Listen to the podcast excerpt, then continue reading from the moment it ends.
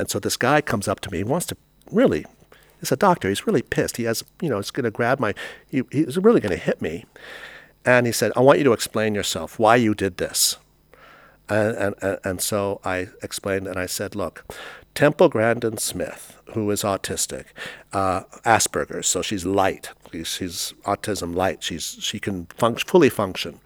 And she says that sh- this allows her to think in pictures. She believes that she thinks in pictures and that we think in words.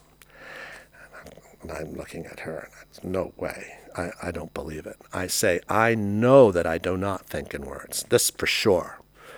And I'm for sure know that I don't think in pictures either.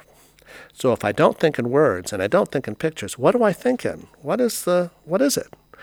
And I can only somehow get very vague about it. I think it's uh, it's uh, context, and it's uh, it's very emotional and it's feelings. It's something. It's like uh, you could say it's not the it's not the word, but it is the tempo of the word. It's the feeling of the word without the word. It's the it's the it's the cadence uh, of the word that is where the information is, because it has to be so fast. I mean, the way the brain works, we parallel think. We do so. We process information on such a speed.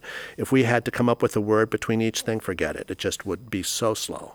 And music is very close, I think, to this this idea of how we process information before we express it. We express information. That's something else. That's what I'm doing now, talking to you. But I'm talking about the interior processing. Yeah. So this has been, and he was going to punch me out, and he he hugged me. I because it was the exact thing to say. I'm trying to understand how what I think. What does it mean? And then that make perfect sense with the autism, because I'm going down, I'm going deep in quotes. And I always thought, gosh, whenever you go and you're put into a trance state, they say you're going to go really deep, really deep. We're going to go deeper and deeper and deeper and deeper and deeper. And and I said, well, what about getting higher and higher and higher and higher? Don't we want to go up? Or are we always going down? Why is information always down?